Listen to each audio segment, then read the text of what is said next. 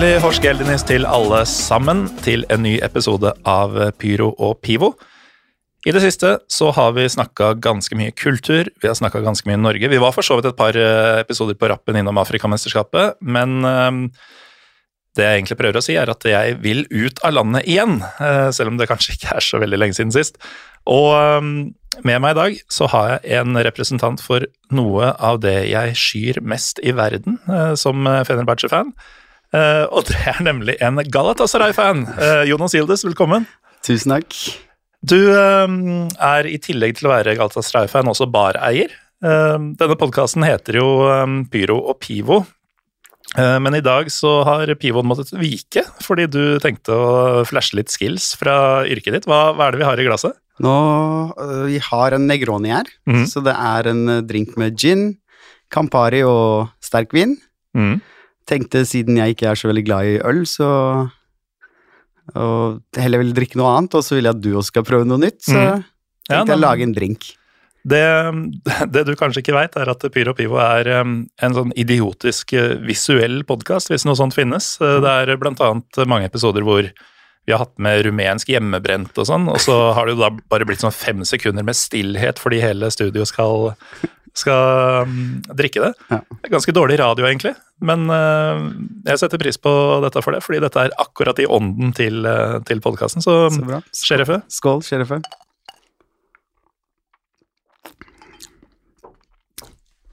Men dette var utmerket. Ja, det er favorittdrinken min. Jeg er jo egentlig ikke så, Du sier du ikke er så glad i øl, jeg er jo egentlig ikke så glad i gin. Ja. Men jeg driver og jobber med det, fordi alle liker jo gin. Ja. Eh, så dette, dette, kan gå an. Ja, men i cocktail så er jo gin på en måte ikke gin, ren gin lenger. Altså mm. du, du, kan lage masse forskjellige smaker ut av det. Ja. Og gin er jo den sprit, spriten som funker best i de fleste klassiske cocktails, sånn som den her. Mm. Hvor er det man eh, kan få din Negroni? Eh, på Svanen mm. i Karl Johans gate. Så hvis man kommer dit, så kan man få både det her og mange andre gode drinker. Da kan man gå i Pyro Pivos fotspor ved å drikke Negroni fra Svanen. Det kan man. Nydelig. Uh, en annen ting med deg, da, altså du, dette snakket, burde vi jo nesten ha snakka om før uh, vi satte oss ned, men uh, du kom jo nylig tilbake fra Istanbul. Uh, nei, jeg endte opp med å ikke dra til Istanbul likevel. Det ble ikke noe av? Nei, jeg skulle til uh, Trabzonspor-kampen, mm. men uh, det værvarselet var jo litt skummelt, og det gikk jo som vi trodde. Mm. Alt, alt, stengte jo ned. Kampen ble jo spilt, og folk fikk, fikk vært på stadion, men Kanskje men, like greit å gå glipp av den kampen også? Ja, absolutt. Det var en ja, vi, vi, visste jo at det skulle gå sånn. ja. Det skal jeg være helt ærlig si. Ja. Det så bra ut lenge, da. Altså, Galatasaray leda vel? Ja, de Også, leda jo til eh, Hva var det? Nå husker jeg ikke helt, men kanskje til 75., 78. Ja. 8. minutt eller noe sånt, og så To tette og en badehette på slutten der, så ja. Nei, en av få ganger jeg har holdt med Galatasaray. Det er, det, det, det er litt interessant. altså Episoden skal jo handle om, eh, om din klubb, men um, en ting jeg har opplevd, da, eh, så veit jeg ikke om du er enig, men uh, folk snakker alltid om Fenerbahçe og Galatasaray som det store hatoppgjøret. Ja. For min del så har det, i den tida jeg har fulgt med, sånn 13-14 år, eh, svingt en del hvem mm. som er verst. Altså Fra et Fenerbahçe-perspektiv så var det Galatasaray, eh, og så var det plutselig jævlig dårlig stemning med Fener og Besjiktas, så de tok liksom over å være dem som eh, man kniva mest med. Og så har jo selvfølgelig Trabzon og Fener fått et veldig spesielt forhold de siste elleve åra, etter eh, diverse beskyldninger og diverse hendelser. Altså En av de verste hendelsene var jo når de skjøt mot uh, bussen til Fenerbahçe på vei tilbake fra stadion. Mm. Det er jo, altså Sånt bør jo ikke være i fotball engang. Det er jo krise. Men eh, ja, det, det der har jo blitt et ordentlig hatoppgjør. Mm. Åssen er det for eh, Galatasaray? Har det konstant vært Fenerbahçe som er eh, verst, eller har det, har det veksla litt med si, samfunnssituasjonen og sportslig situasjon og sånn for dere også? Det har stort sett vært Fenerbahçe. Altså, nå skal vi jo sikkert inn på det, men Galatasaray ble jo grunnlagt for å liksom spille som engelske lag mot andre utenlandske lag. Mm. Så det var jo aldri eh, greit. Det her var jo veldig tidlig, det var jo ikke noe ligasystem, det var ikke nok lag og diverse, men uh, de har jo liksom alltid holdt på den uh, mentaliteten, da. Og, og, det viser jo selvfølgelig altså En del resultater viser jo også selvfølgelig til det. Men, men det har alltid vært Fenerbahçe, altså. Mm. Alltid. Eller fra jeg kan huske, da. Fra 90 jeg tror det var 1990 at jeg begynte liksom å se alle kamper og har sett alt frem til nå, kanskje. Mm. Så har det kun handlet om Fenerbahçe. Åssen ble det Galatasaray for deg? Du kan ikke ha vært gamle karen i 1990 da du begynte å se alle kampene? Jeg var vel fem-seks år, og så Da ble jo kampene vist tidlig på søndager. Og mm. det var liksom TV-tid når du var så liten. Så det var skru på TV-en. Kampene gikk jo ikke på sånn altså pay-per-view eller mm. betalingssider eller noe sånt. Så det var jo liksom bare våkne opp en dag, se kampen, og så likte man bare det. Og så var bestekompisen min på, uh, i første klasse også Galla-fan. Broren hans var det. Uh, ja, så vi var liksom Det var ikke noe familiegreie. Det var mer sånn En dag så bare bestemte jeg meg for det. Det bare blei sånn? Det bare ble sånn, og så har det vært sånn hele livet. Mm. Vi har jo fått litt, uh, litt henvendelser fra, fra, lytterne om akkurat det, da, hvem som holder med hvem og sånn. Mm. Uh, og det kan vi jo egentlig ta med en gang. Det er blant annet uh, en VG-journalist, Øyvind, Øyvind Herrebrøden, eller Helligbrødet, som jeg velger å kalle han. han er en av flere da, som har lurt på dette med motsetninger, altså politikk, religion, geografi, tilhørighet på forskjellig vis. Mitt inntrykk er jo at det spiller mindre rolle liksom hva du tror på, hvor du ligger politisk, hvor du ligger på den sosiale stigen. til og med geografi, om du er på den asiatiske eller europeiske siden i Istanbul. Altså, det er liksom ikke noe klare sånn indikasjoner som gjør at den og den personen blir Besjiktas, den blir Fenerbahçe, den blir Galatasaray. Mm. Ja, jeg tror det kommer litt av at de tre største er i Istanbul, de tre første klubbene som ble grunnlagt, eller de, noen av de første.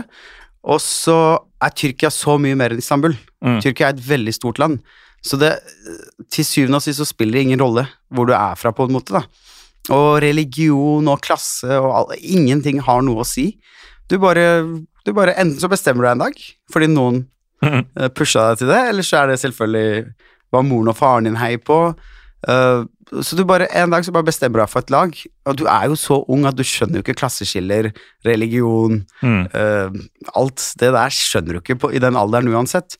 Jeg er ganske sikker på at mange heier på lag pga. draktfargen, liksom. Det er, jo, Helt sikkert. det er jo sånn det funker. Men Tyrkia er så mye mer enn Istanbul, og da, da har det ingenting å si. Du har jo litt beskikk... Du har jo selvfølgelig de der fraksjonene, altså de der små eller store supportergruppene, sånn som Besjiktas har jo Chachi, mm. som er jo veldig politisk aktive, eller var det i hvert fall inntil et, et visst punkt.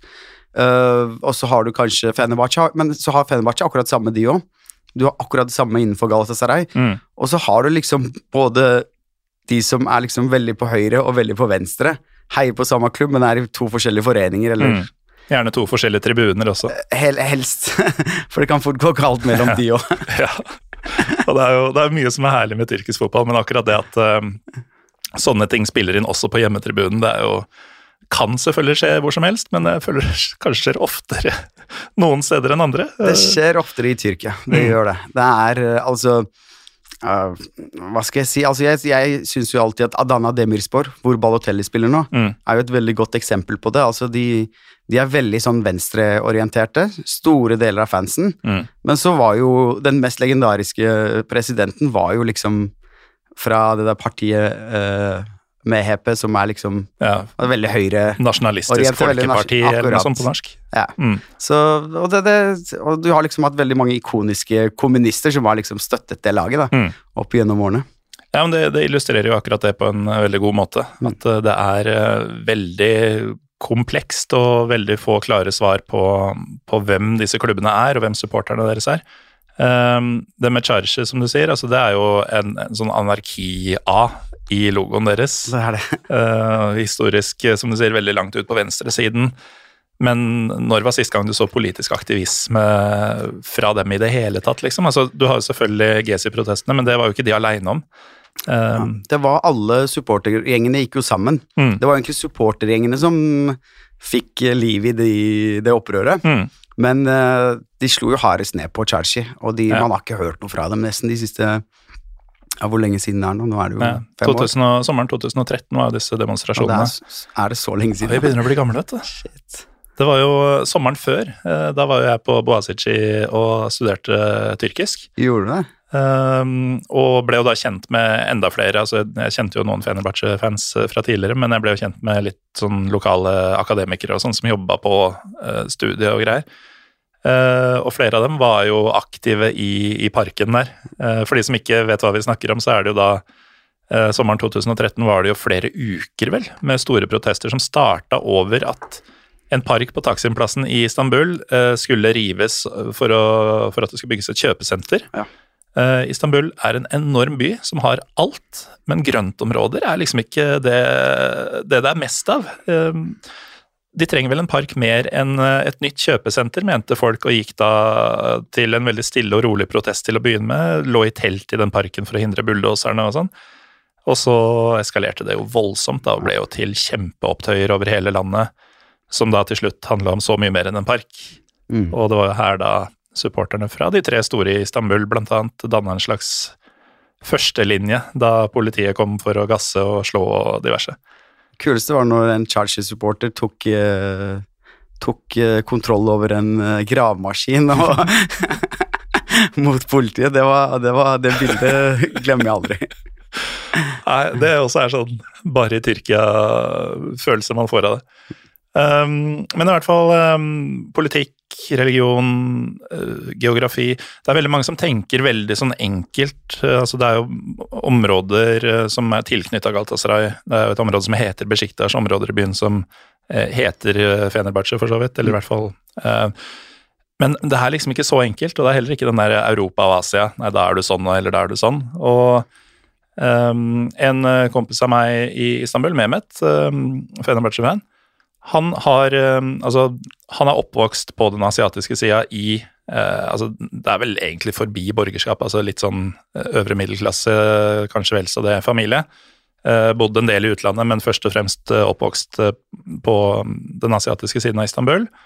Der er det sånn at mora og Mehmet de er eh, Fenerbahçe, mens broren og faren er Galatasaray. Det, det, ser man ofte også i familier. Ja at uh, Lillebroren min er jo Besjiktas-supporter. Mm. Uh, pappa var uh, Hva skal jeg si Han, hadde all, han endra jo på laget sitt hele tiden, men han mente han heiet på Trabzonspor, selv om vi er veldig mm. langt unna Trabzon. det er ikke greit. Nei. Og så er det alltid sånne mødre som skal være sånn der Ja, jeg heier på landslaget. Mm. Når du spør dem. Men, men, du kan ha det i samme familie. Altså, en av mine bestekompiser, han og broren heier jo på Galatasaray, mens faren er blodfan av Fenerbahçe. Han har liksom sesongkort. Uh, mm. dra på hver kamp, men noen ganger kan det også være protesten sant, mot foreldrene som ja. egentlig skaper den tingen. Mm. Men altså, det tyder jo på at min kompis sin familie er langt fra er unik, da. Ja. Um, og det er, det er, sånn det er, bare. Altså ganske sånn vanskelig å forklare det der, men hjertet vil det hjertet vil. Mm. Når det er uh, sagt, altså du nevnte jo at uh, Tyrkia er jo mye mer enn uh, Istanbul. Men det er jo de tre lagene som dominerer også i all verdens utkanter av eh, landet. I hvert fall Jeg har inntrykk av at det har blitt litt bedre, at eh, lokalpatriotismen har blomstra litt mer i en del byer, kanskje de siste fem-ti åra. Men eh, altså, de er jo størst i omtrent alle byer i, i landet. Det er de, men jeg tror det egentlig har vært litt mer om det har handlet litt mer om fasiliteter. Mm. At du liksom helt ute i Øst-Tyrkia ikke har hatt nok fasiliteter eller eh, nok grunnlag for å kunne liksom starte eller skape et godt nok lag. Mm. Eh, så jeg tror egentlig det bare handler om det. Jeg har eh, så på et program her om dagen, det er jo flere lisensierte tyrkiske spillere, eller spillere med tyrkisk bakgrunn, i Tyskland mm. enn i hele Tyrkia. Ja. Så det er jo, altså det viser jo liksom bare litt av greia. Og man skjønner det veldig godt når man er og reiser rundt i Tyrkia, at det er ikke som her i Norge at det er en kunstgressbane i hvert nabolag. Det fins jo ikke.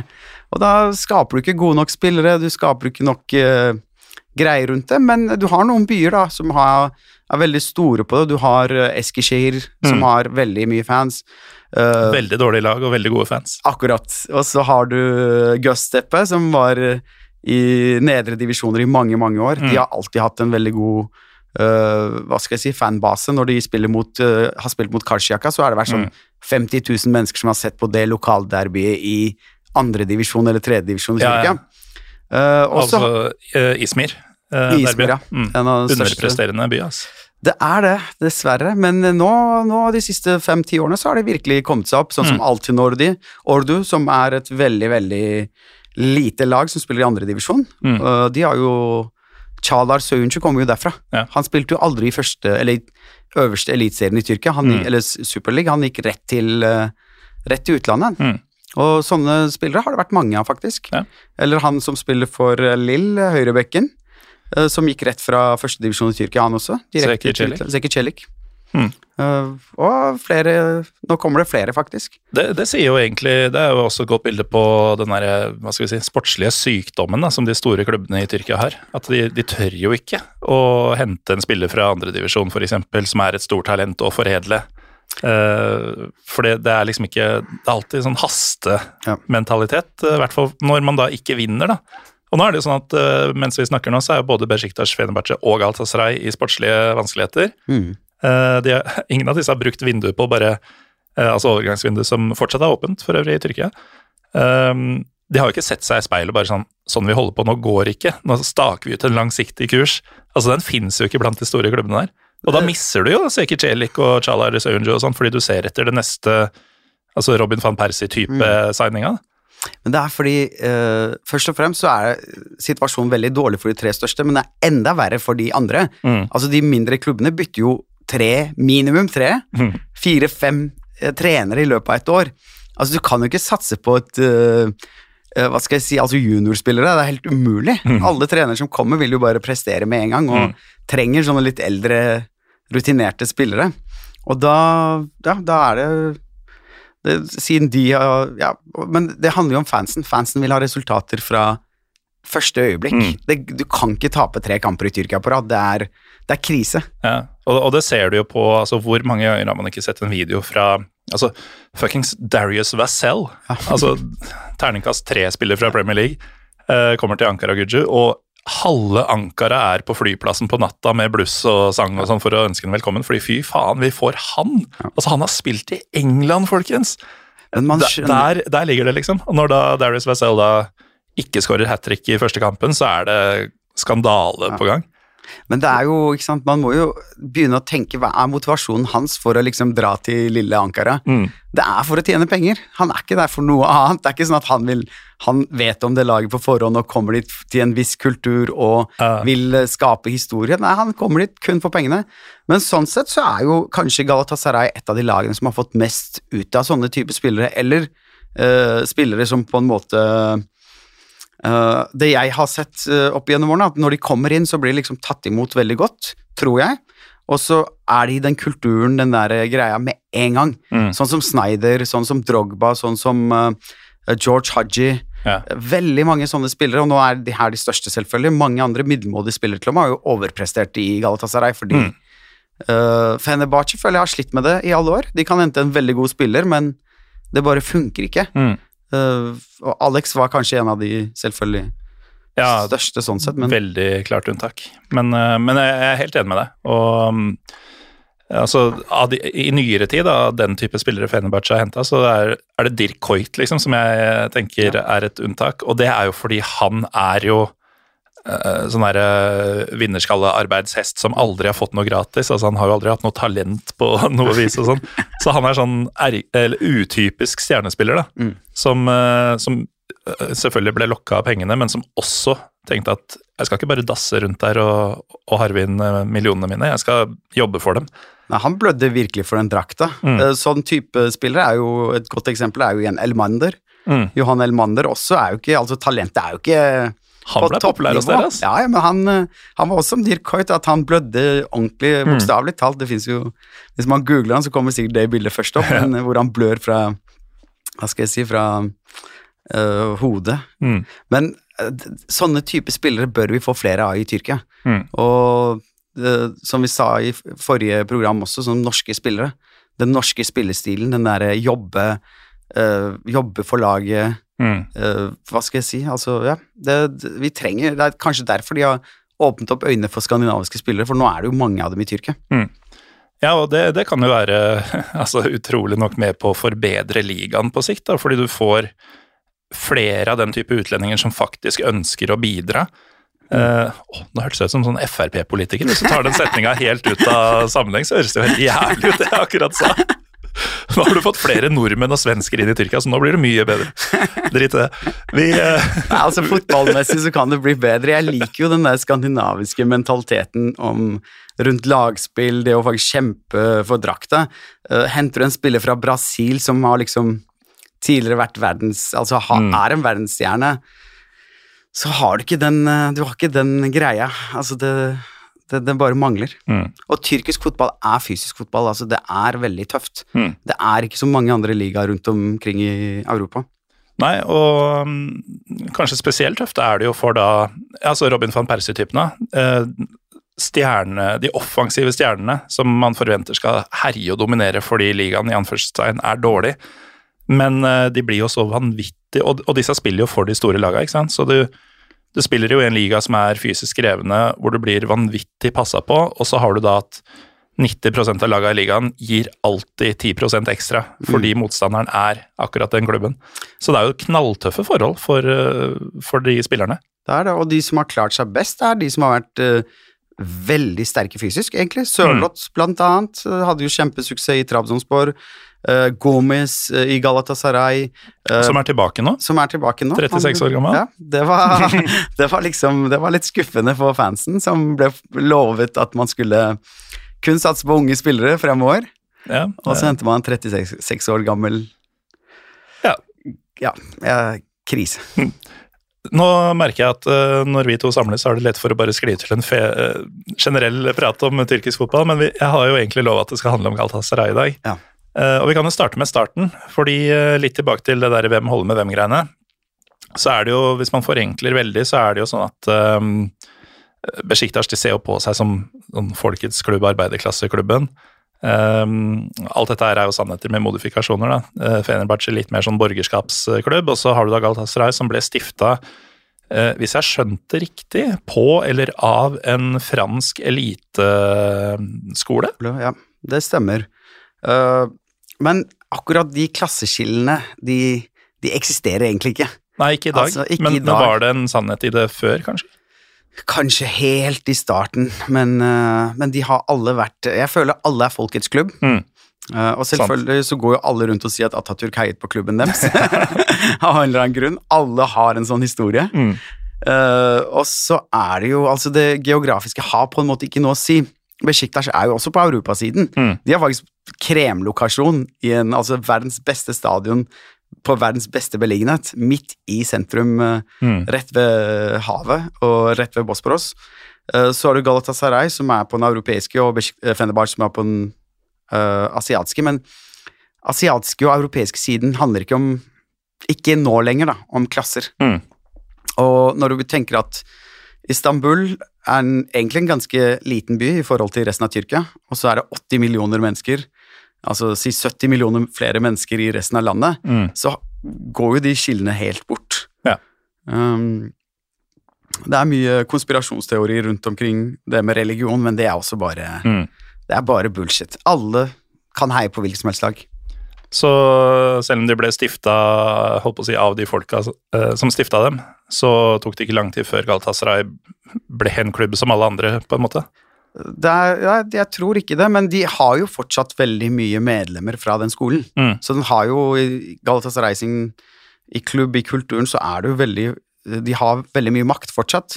Og de er jo en veldig sånn tradisjonsrik skole og skal liksom være veldig sånn på det gammeldagse og de tradisjonene. Og det er jo alltid krangling, krangling mellom fansen eller en av trenerne eller spillerne mot Altså en, uh, mot disse menneskene, da. Mm. Men så klarer det, så er de alltid der, på en måte. Uh, jeg har aldri skjønt det som Galatasaray-supporter. Jeg tror veldig få forstår hva som virkelig foregår. Ja. Uh, men ja, de, de, de, er der, og de er tradisjonelle, tydeligvis. Og så har du liksom fansen som er mange flere mennesker enn de, men mm. fortsatt har de liksom De er alltid med i ting, da. Ja, når ting skal bestemmes og sånn. Mm. Um, hvis uh, de som hører på har vært i Istanbul, så har de antagelig gått nedover Istiklal Jadisi. Og da har de nok, uten å vite om det, gått forbi denne skolen. Ja, ja. Den er jo midt i. Den er, det er den der store porten som ser veldig sånn mm. fin ut, men man, man, tenker jo ikke over det. Nei. Det står jo bare Galatasaray uh, Hva skal jeg si, altså videregående skole, på ja. en måte. Um, ja, og det er altså uh, ja, Det sier seg ikke sjøl, at der kommer faktisk klubben fra. Ja, og det er der fansen er før de skal ut og se kamp. Mm. Så hvis man er i Istanbul, og det er Galatasaray-kamp den dagen, så er det jo kaos i Istiklal. Ja. Uh, og, og, det er jo egentlig alltid kaos i Istiklal, men det er, det er ekstra, ekstra mye kaos. Et av de beste minnene mine er når jeg tok med noen eh, norske venner for å se Galatasaray Fenerbahçe. Og de våkna og gikk ut på verandaen på hotellet og bare og sto der i veldig lenge. Og så kom jeg inn på rommet dem, så bare Hva gjør dere? Nei, der var det jo Adidas Store eh, tvers over gata. Og så hadde de på Fenerbahçe-drakt på, ai, ai. på Hva heter det? På, på mannekengene. Mm. Og så alle gjengene, da, alle gruppene som går for, vi stopper alltid der og begynner å banne. og de syns jo det var så morsomt. ja, nydelig.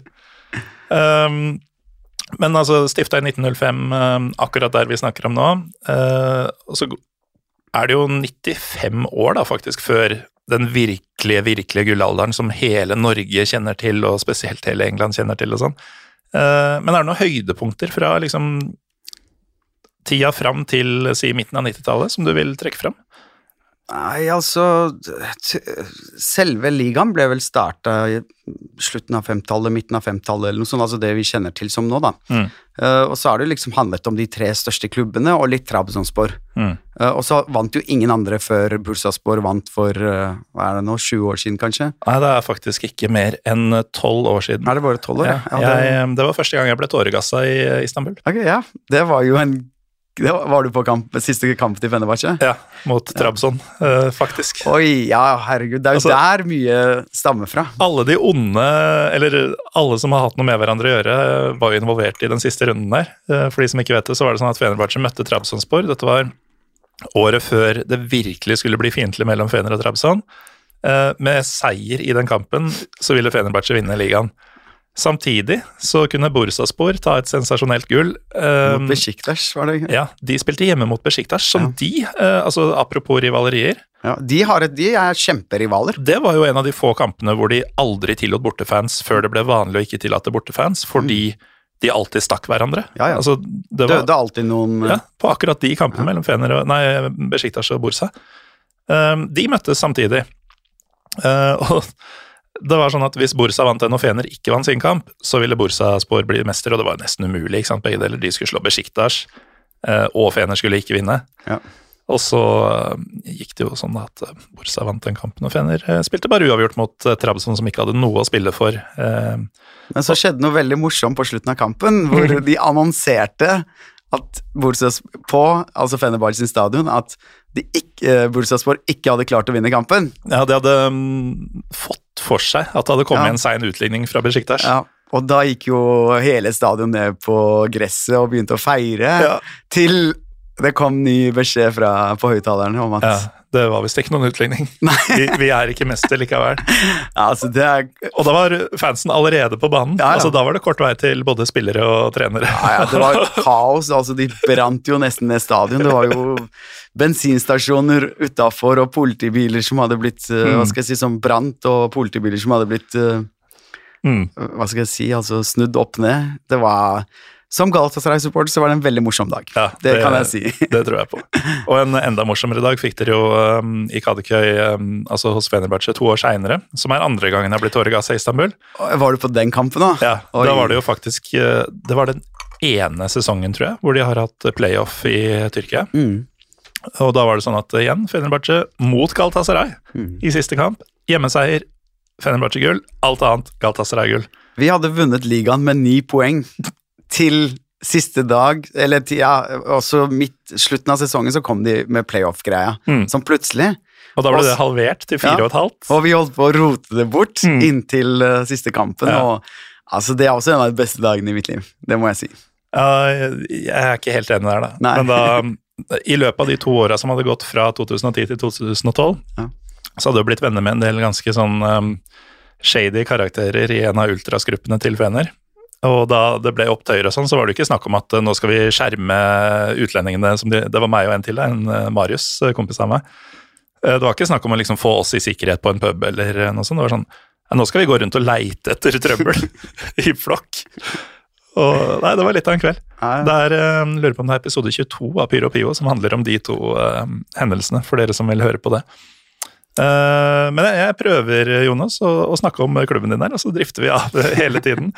Um, jo, altså veldig mange ligagull, blant annet, i løpet av de tiårene som fulgte, men det er jo når Fatih Terim kommer inn og Eh, et par eh, veldig spesifikke rumenere kommer inn og sånn, det virkelig begynner å svinge, eller? Begynner vel i 96 at Fatih Terim gikk fra landslaget og til Galatasaray Nei, jo.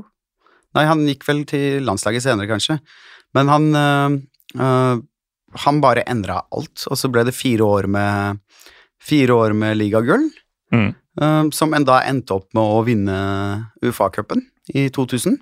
Og det var litt av en ferd dit, altså, på godt og vondt? Det var det. det var, eh, men da, da var Galla veldig god, altså. Mm. Da, da, var det veldig mange store lag vi møtte på veien. Det var, eh, det var Bologna, det var Mallorca, det var Borussia Dortmund i gruppene i Champions League. Det var Milan siste kampen, som de vant på mm. og snudde kampen i siste minuttene og fikk mulighet til å spille UFA-cupen. Og så selvfølgelig Leeds-kampen, mm. som var en tragedie, selvfølgelig. Det er jo en av eh, kommentarene vi har fått på Twitter. Jeg spurte jo om innspill og spørsmål og sånn, og da var det en uh, fyr som bare sa at ja, de skulle blitt kasta ut fra den europacupen i 2000, og, eller 2000 pga. fansens uh, ja, oppførsel. Gikk jeg inn på profilen, selvfølgelig norsk Leeds-fan. Ja, ja, selvfølgelig, men Leeds er jo Leeds-fans hater jo oss. Jeg husker sist vi var i København for å se Champions League-kamp mot uh, uh, mot København. Og så var, det en, var vi veldig mange supportere, så husker jeg flere Leeds-supportere bare gikk forbi med drakta på og bare viste oss fingeren og mm. skjelte oss ut. Men altså, jeg ser jo på sånne episoder som noen idioter som ikke klarer å oppføre seg og gjør noe dumt, liksom. Det er jo ja, det er nettopp det. det. Resten av klubben kan liksom på en måte ikke bli klandret for det, syns jeg, men ja, jeg syns vold ikke burde eksistere. Når Nei. det gjelder fotball, i hvert fall. Men akkurat den der er eh, altså Det er jo selvfølgelig en ekstrem hendelse. Eh, det, da snakka vi akkurat om at det har skjedd ganske ofte, bl.a. mellom Besjiktas og Bursaspor. Altså, det er ikke uhørt i Tyrkia at det knivstikkes. Heldigvis mye, mye sjeldnere enn det var spesielt 80- og 90-tallet. var jo sinnssyke altså Da var det jo geriljakriger. Mm. Eh, men eh, at det var en helt ekstrem hendelse, det som skjedde med de to Leeds-supporterne. Men jeg, jeg var jo 15 da, og um, hadde jo Altså, min komfortsone gikk til Sverige og kanskje England, liksom. Eh, Eller så var det Oslo-området, Norge, Romerike eh, som gjaldt. Og um, det bildet som ble malt, var at tyrkere er gærne. Eh, Galatasaray-supporterne er monstre og liksom sånn. Det, det, var sånn gjengs oppfatning, da, virka det som i vestlige medier. Og altså, det er jo ikke representativt for, på noen måte for Galatasaray-supportere, Galatasaray som klubb eller noe sånt, at det der skjer.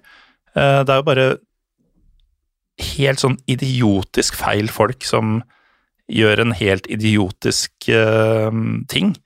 Og det kunne like gjerne vært hvem som helst andre enn en Galatasaray eller en tyrkere. Mm. Nei, absolutt, men så, samtidig så er det ingen som snakker om Galatasaray-supportere som ble knivstukket i København av Arsenal eller Leeds-supportere eller hvem de nå var. Mm. For jeg kjenner faktisk noen som ble knivstukket der, som dro fra Norge, en stakkarslig fyr som skulle bare se kamp. Det snakker ingen om. Finalen noen måneder senere, dette. Ja, mm. og det Sånne ting er liksom Altså, ingen som snakker om, og så Men det jeg har merka, er eh, Du har jo vært i kamp i Tyrkia også, det er jo ikke så ille. Altså, det er ganske nei, nei. fredelig. Når mm. du drar på stadion, så er det jo Uh, veldig mange barnefamilier, det er veldig mange damer, menn, alt mulig. Ja. Og det går ganske fredelig for seg. Også på ståtribunene? Også på ståtribunene, overalt. Og det er ganske, ganske, hva skal jeg si, rolig atmosfære. Men så har jeg vært på noen europeiske kamper, uh, gallakamper, og det har alltid sett at vår uh, og da er det folk fra ikke bare Tyrkia, altså det er folk fra hele Europa. liksom Mye Tyskland, mm. mye Frankrike, alt sånn. Og de er litt mer på tærne.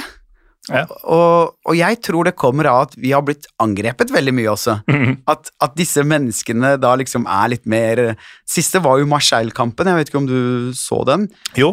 Da ble jo Galla-supportere kastet masse ting på at mm. de måtte liksom ut av hva skal tribunene. De måtte liksom stoppe kampen. Mm. Så det er mye som skjer hvor de også blir altså angrepet, da. Og i Tyrkia er det aldri noen som rører. altså Det kan jeg love deg. Vi er et av de mest gjestfrie hva skal jeg si, nasjonene som fins, kanskje. Så jeg skjønner ikke Jeg tror kanskje Jeg tror det er mye vår feil, men samtidig også at det ikke Det er ikke bare vår feil. Nei, jeg har uh, en idé der om at det er en slags um, en sånn tornado da, som, uh, som, bare piskes opp og piskes opp, og at det er rykte som kommer i forveien. At uh, etter den hendelsen spesielt, men også generelt sånn der Welcome to Hell og ja. alle de der Altså trøkket generelt, da, og enkelthendelser uh, fra tyrkiske stadioner og sånn. At uh, Marseille f.eks. er jo de tøffeste gutta i gata i mm. Frankrike, sånn mer eller mindre.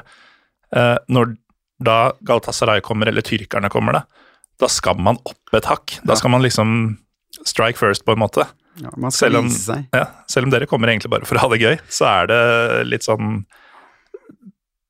ja. Fotball handler for det meste om å ha det gøy i Tyrkia. Altså. Mm. Og det der med 'welcome to hell' og liksom prøve å psyke ut motstanderen er mer Det er ikke vold, liksom. Det er mer at man går foran hotellet til Manchester United 93 for å ikke la dem sove. Mm. Spillerne, altså. Ikke, ja.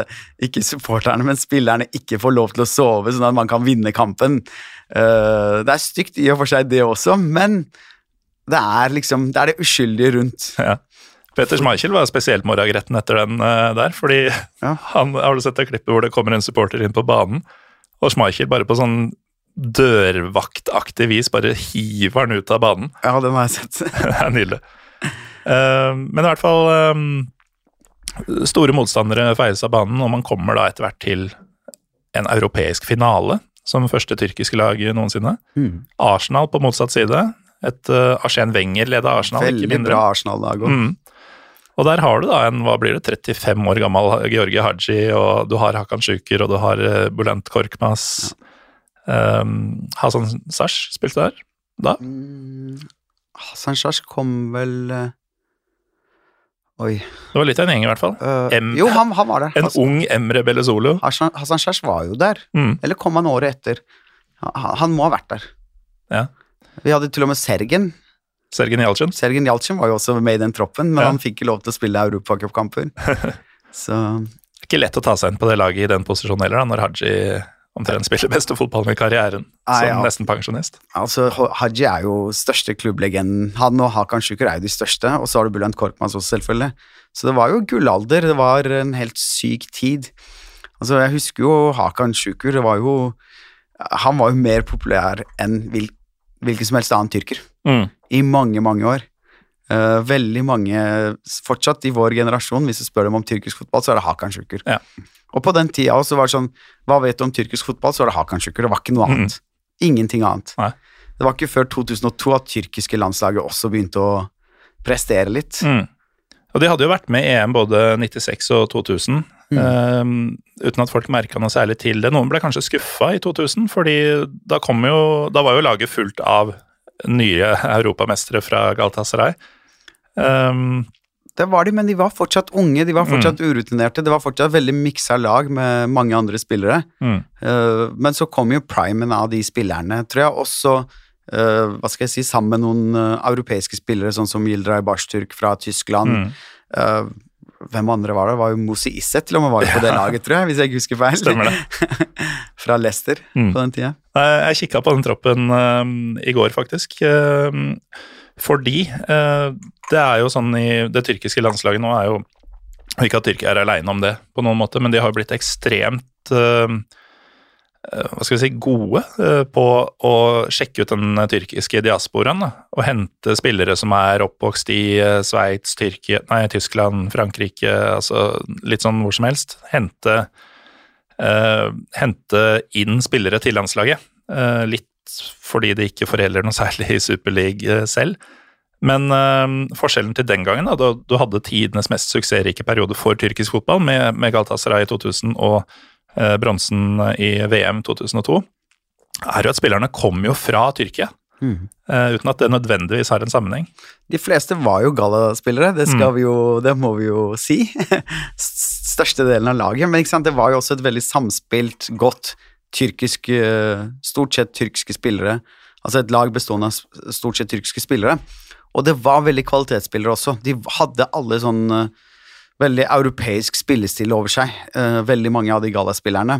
Og de rumenerne som Popescu og Haji og alt De, de liksom De løftet jo alle de spillerne et mm. hakk. Emre Bellosolo i dag, etter min mening kanskje topp tre beste tyrkiske midtbanespillere som har spilt i Tyrkia, er jo også et produkt av det laget. Mm. Og har liksom spilt med disse spillerne og kanskje hatt Haji som et forbilde, jeg vet ikke. Han har jo gått ut og sagt flere ganger at Haji er bedre enn Alex, mm. uh, og, og, han er jo Fenerbahçe-supporter, egentlig. Ja. Uh, og har spilt for Fenerbahçe, nesten. Mm. Bare etter Gala-perioden.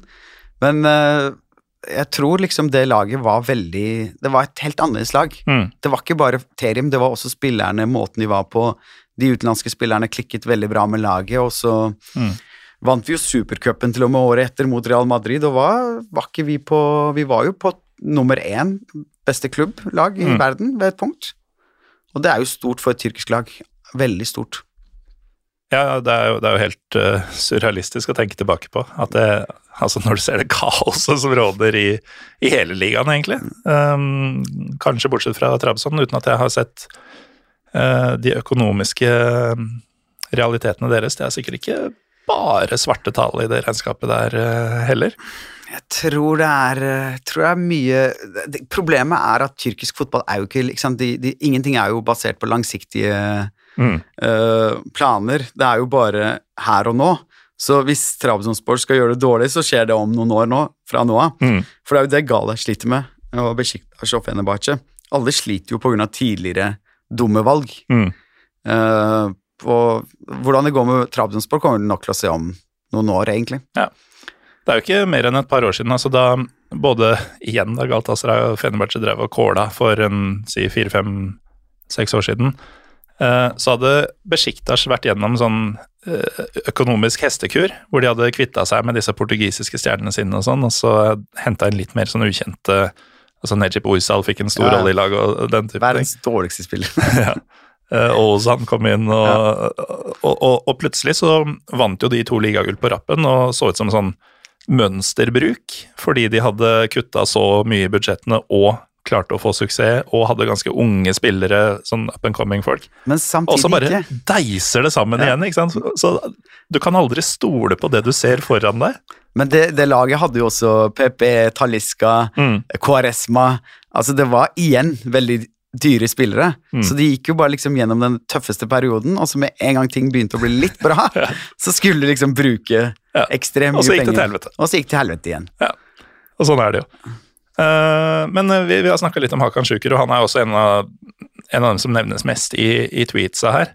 Mm. Han har jo hatt litt av et liv uh, Altså, snakk om å ha alt, og ja, ikke lenger ha alt, for å si det pent. Hva har skjedd med Hakan siden den gang? Hakan Sjukur etter fotballkarrieren så gikk han jo inn i politikken. Mm.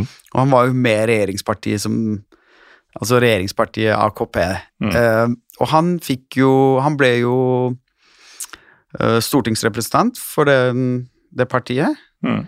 Uh, og ved ett punkt så brød Når alt det politiske problemene i Tyrkia med, uh, med det de kaller for den sekten Fetø, som, mm. hvor det finnes en fyr i USA Fetullah Gulen. Fetullah Gulen som styrer veldig mye innad i landet, og når de skulle liksom bryte alle skulle bryte båndet sitt med han, så gjorde ikke han det. Mm. Så han dro ut i USA.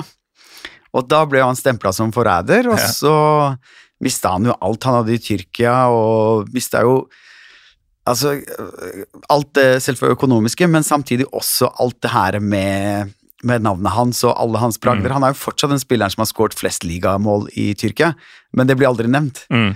Og jeg har til og med sett YouTube-videoer hvor når ballen kommer til han, så ikke Så kutter du ut eh, navnet når Er det sant? Ja, når eh, hva skal jeg si, når det, navnet hans blir nevnt, så blir det liksom brutt. Oh. Så er det stille, liksom. Og det syns jeg er flaut. Altså, man, han er jo fortsatt en legende innenfor fotballen. Det politiske er jo det politiske på en måte. Og så har det gått masse rykter om at han har åpna en kafé i LA, og så gikk det rykter om at han var Uber-sjåfør mm. i LA. Og så har han nå lagd sin egen YouTube-kanal, som jeg har sett på et par ganger, hvor han skal liksom kommentere hver gallakamp, og i tre timer, eh, som bare er dritkjedelig. Men ser ut som han har sånn 50 000-60 000 Ja, fordi han er kanskje ikke? Ja. Men han skulle jo Han er jo en helt, liksom. Han skulle jo beholdt den heltestatusen. Han er jo fortsatt den spilleren som har liksom skåret det tidligste målet i et VM noensinne. Mm. Han har skåret uh, flest mål i ligaen. Han har gjort veldig mye europeisk fotball, på en måte. Mm. Så jeg syns det er litt trist for hans del, men, uh, men for meg, som hadde han som barndomshelt, så Altså, jeg kan jo ikke hate han, liksom. Nei. Det var jo barndommen min. Han var verdens beste fotballspiller mm. i mine øyne. Mm. Men altså, hva, er, hva, er, statusen hans nå? Altså, du har jo vært innom det, selvfølgelig, men sånn Galatasaray-fans, da? Er, er, han blant dere fortsatt Folk er delt i synet på han, sikkert? Eller? Det er, det er nok delt, men jeg tenker jo også sånn Greia med Tyrkia er at det er et land i stadig forandring. Uh, en dag kan du være helt, den andre dagen kan du være den mm. verste, det verste mennesket noensinne. Så jeg tror nok det kommer tilbake, at han uh, ved et punkt vender hjem og liksom uh, får den der Hva skal jeg si At han fortsatt er en helt innenfor tyrkisk fotball. da. Det mm. kommer tilbake. Det er jo sånn Tyrkia fungerer. Ting blir fort glemt. Du har gått over til øl, ser jeg. ja, jeg gikk tom. Um, for, jeg har mer i flaska her. Kanskje jeg kan drikke med begge hendene? Ja. Slenger over uh, Negroni-glasset. Um, nei, altså, jeg kan jo ta veldig kjapt uh, Det gikk kanskje litt fort i sving her for enkelte. Uh, denne Fetullah Gulen uh, og Fetø-bevegelsen, altså De har blitt omtalt som en sekt og som konspiratører og, og, og mye sånt. kaller seg selv vel en religiøs bevegelse. Men Fetullah Gulen er jo da lederen for denne såkalte bevegelsen, eller sekten, som sikkert du og jeg ynder å kalle det, mm. uh, som har hatt utrolig mye makt, altså tilhengere i maktposisjoner i Tyrkia i mange tiår. Mm. Og da Erdogan og AKP kom til makta, så var jo de alliert med Fetullah Gulen. Uh, da AKP Det var jo et nytt parti. Erdogan var jo en ganske uspiselig politiker for mange, for det var jo mye mer sekulært da han prøvde å komme frem. Han hadde jo blant annet blitt dømt til fengsel for å ha uh, vært religiøs i offentligheten uh, mm. en gang i tida. Så han trengte jo en slags uh, fanbase, som Gulen-bevegelsen hjalp han med å skaffe. Og da Erdogan var mektig nok, så røyk de to uklar med hverandre. Er det sånn cirka Det er cirka sånn. Altså, det er jo Og ikke bare han, veldig mange andre statsministre og presidenter og alt mulig har jo hatt tette bånd til han, virker det som, mm. i hvert fall. det.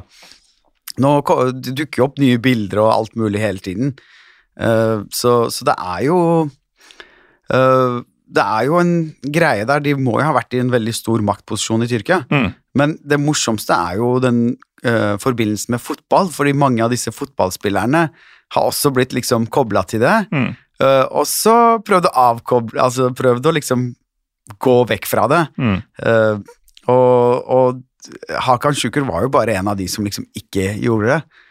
Eh, så han måtte jo liksom flykte fra landet på en måte. Og Arif Erdem, jeg vet ikke om noen husker han, men han var jo spis... Også landslagsspiss? Ja, han var også landslagsspiss og spismakkeren til, eh, til Hakan Sjukur. Veldig god spiller han òg, men han var jo alltid i skyggen av Hakan Sjukur. Han tror jeg også måtte flykte. Han er, har jeg aldri hørt noe mer fra. Han tror jeg han er i Hellas eller USA eller et eller annet, jeg er ikke helt sikker. Mm. Men men veldig mange fotballspillere hadde jo veldig tette bånd, fordi fotball, jo, fotball er en stor makt i Tyrkia. Ekstremt stor mm. makt. Hvis man klarer å, å liksom eh, Altså bare det i Gesi, de opptøyene, at fansen gikk ut og alt ble mye større, mm. eller at uh, Erdogan til og med nå styrer jo en del klubber, sier de. Ja. Uh, altså bak teppet. Uh, og, og, noen foran teppet. Og noen foran teppet, selvfølgelig. Bashak Shir har jo blitt uh, Kom jo fra ingenting og ble seriemester mm. i Tyrkia. Det er jo litt spesielt. Fatih Karagumruk er fortsatt var ikke et lag engang, og plutselig i Eliteserien. Mm. Uh, Risespor har liksom holdt posisjonen sin i ligaen i flere år. Eller Konjaspor har fått ny stadion og plutselig mm. blitt mm. uh, fotballmekka. Ja, tilfeldigvis et uh, Altså, av de store byene i Tyrkia, kanskje den mest konservative. Ja. Som jo er akkurat den type folk uh, Erdogan henvender seg til og henter støtte fra. Veldig kjedelig by. Det er ikke en by som fortjener en sånn stadion engang, etter min mening, og jeg er fra Konja. som veldig mange tyrkere i Norge? De fleste tyrkere i Norge er jo fra Konja. Mm. Hvorfor er det sånn? Nei, det er, det er jo et eh, Det er jo en storby, en veldig stor by, midt i landet, mm. med veldig lite ressurser. Et stort ørken, bare. Eh, en del jordbruk, for den saks skyld. Og så De fleste av oss som liksom har eh, Jeg er jo kurder, så vi har jo liksom flytta fra Østen og inn i disse mm. landsbyene i Innlandet. Og så er det jo sikkert Ved et punkt så har man ikke nok ressurser og må videre. Man må Familien min kom hit kun av økonomiske grunner, liksom. Mm. De må det, og da har det jo blitt mange, og når det først kommer én, så promoterer jo selvfølgelig Norge som et veldig fint land, mm. som det er, og så kommer det flere. Ja, men det gir mening, det. Ja, og det her er jo sent 80-tallet, så da var det jo da var det jo ikke så strengt å kunne liksom reise til et nytt land og bosette seg der, nesten. Mm. Eh, men altså, bare sånn for å avslutte det med Hakan Sjukur og Gulen og alt det der. Eh, det er selvfølgelig en som har spurt om Og dette tror jeg hadde kommet uansett hvilken tyrkisk storklubb vi skulle snakke om i dag. Men det er selvfølgelig en som spør eh, om Galatasarais forhold til Fetø. Og det er vel ja, altså Jeg, jeg vet det, det, er så mye konspirasjonsteoretikere. Det er mye, det er mye konspirasjonsteori rundt det. Det fins videoer av en del Gala-spillere som sitter, inkludert Emre Bello Solo. Mm. Han var jo tydeligvis en av de som hadde tettest kontakt. Uh, og det er så lite overraskende? Ja, og, så, og sikkert samme Arda Turan eller flere andre. Uh, men altså det, De sier jo også det at vi vant UFA-cupen takket være han. Mm. Det syns jeg er litt uh, Altså, greit, du kan jukse i den tyrkiske ligaen litt, kanskje, men Altså, Jeg tror ikke vi slår store Arsenal uh, på straffer fordi Fetu ville det. det Nei, du, du, får med Arsenal og Uefa på laget, liksom. Det, fordi en ja. islamistisk, tror, islamistisk, lærd sier at uh, Jeg tror Arsenal trengte den seieren mye mer enn oss mm. den, akkurat på den tida.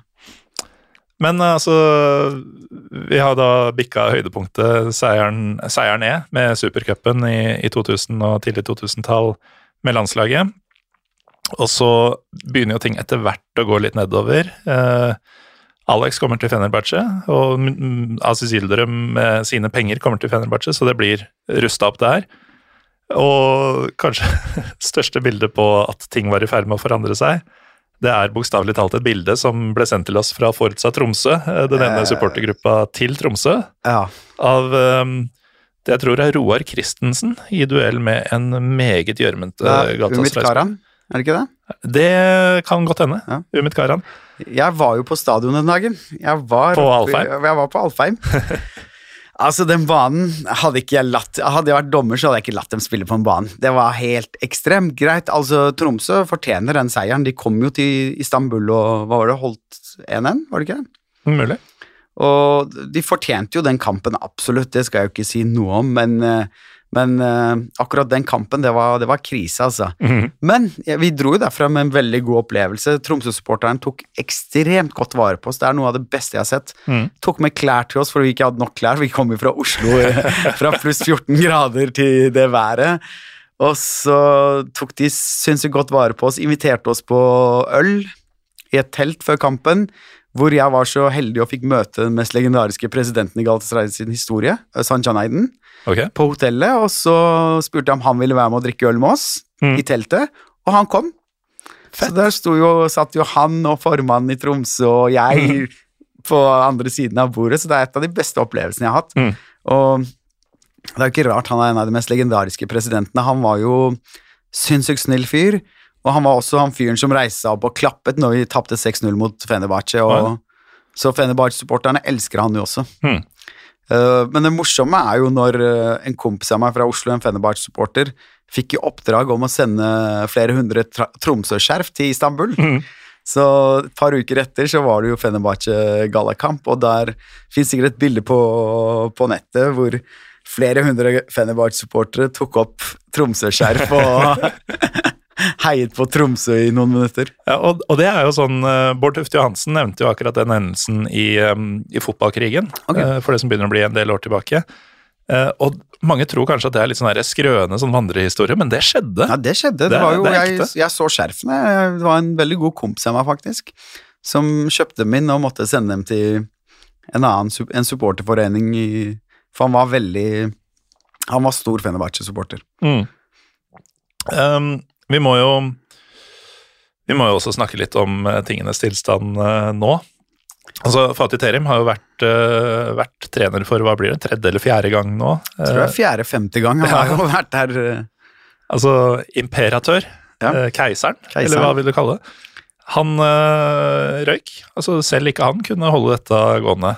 Um, Nei, altså, nummer 15 i ligaen er jo krise. Vi har aldri sett nummer 15 i noen gang. Visste ikke at det tallet fantes, Nei, bortsett fra antall ligagull. Ja, altså et av de tre største, altså av de tre største klubbene, den som har hatt det verst, har jo vært uh, Fenerbahçe for noen år siden. Jeg vet ikke om du husker det? Oh, Når de var på 16.-17. plass mm. ved et punkt og klarte å ende opp som 7. plass, tror jeg. Det, ja, det, det, det var voldsomt. Og, og, Gala sin verste pos posisjon er jo åttende. Var det Michael Skibbe-sesongen? Jeg tror det, ja. Mm. Det var Arda Turan sin siste sesong og krisesesong. Siste sesongen hans som Arda Turan, kan man si.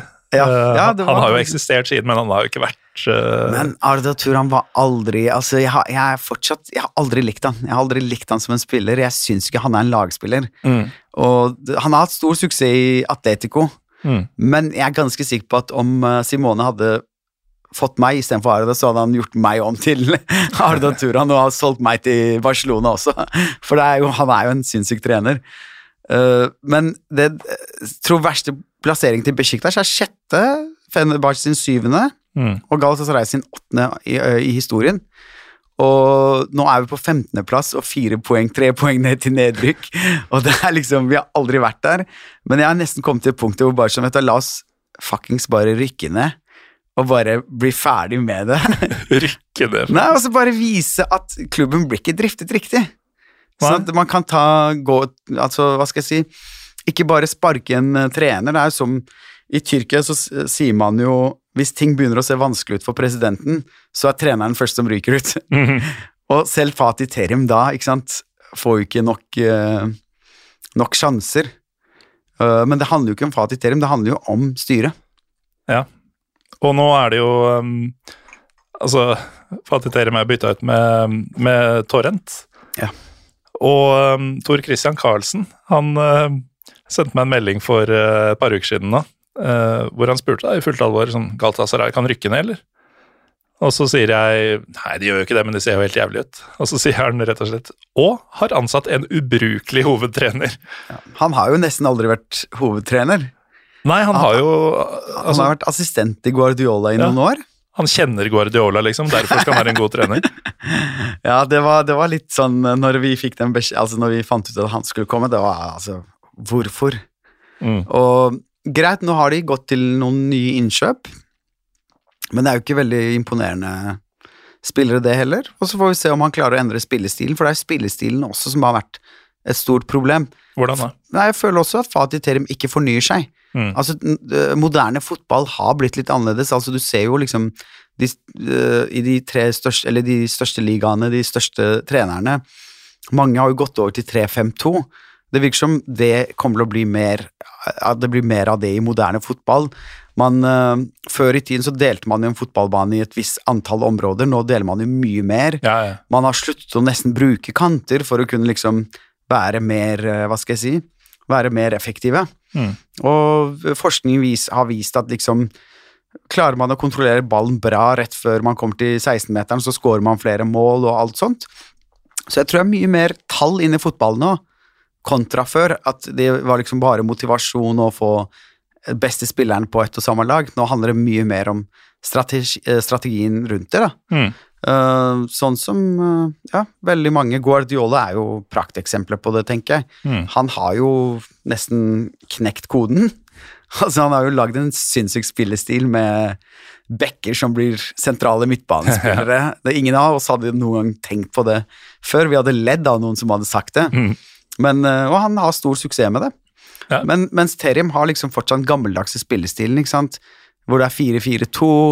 Uh, kantene skal Altså, alt handler om enkeltprestasjoner, da. Mm. Er en spiller god den dagen, så vinner man kampen. Uh, mens i moderne fotball så føler jeg mer handler mer om riktig strategi gir deg seier, på en måte. Ja. Da. Og i hvert fall på lang sikt. Um, som jo vi har nevnt et par ganger ikke er tyrkisk fotballs uh, sterkeste side. Ja, ikke den sterkeste siden, dessverre.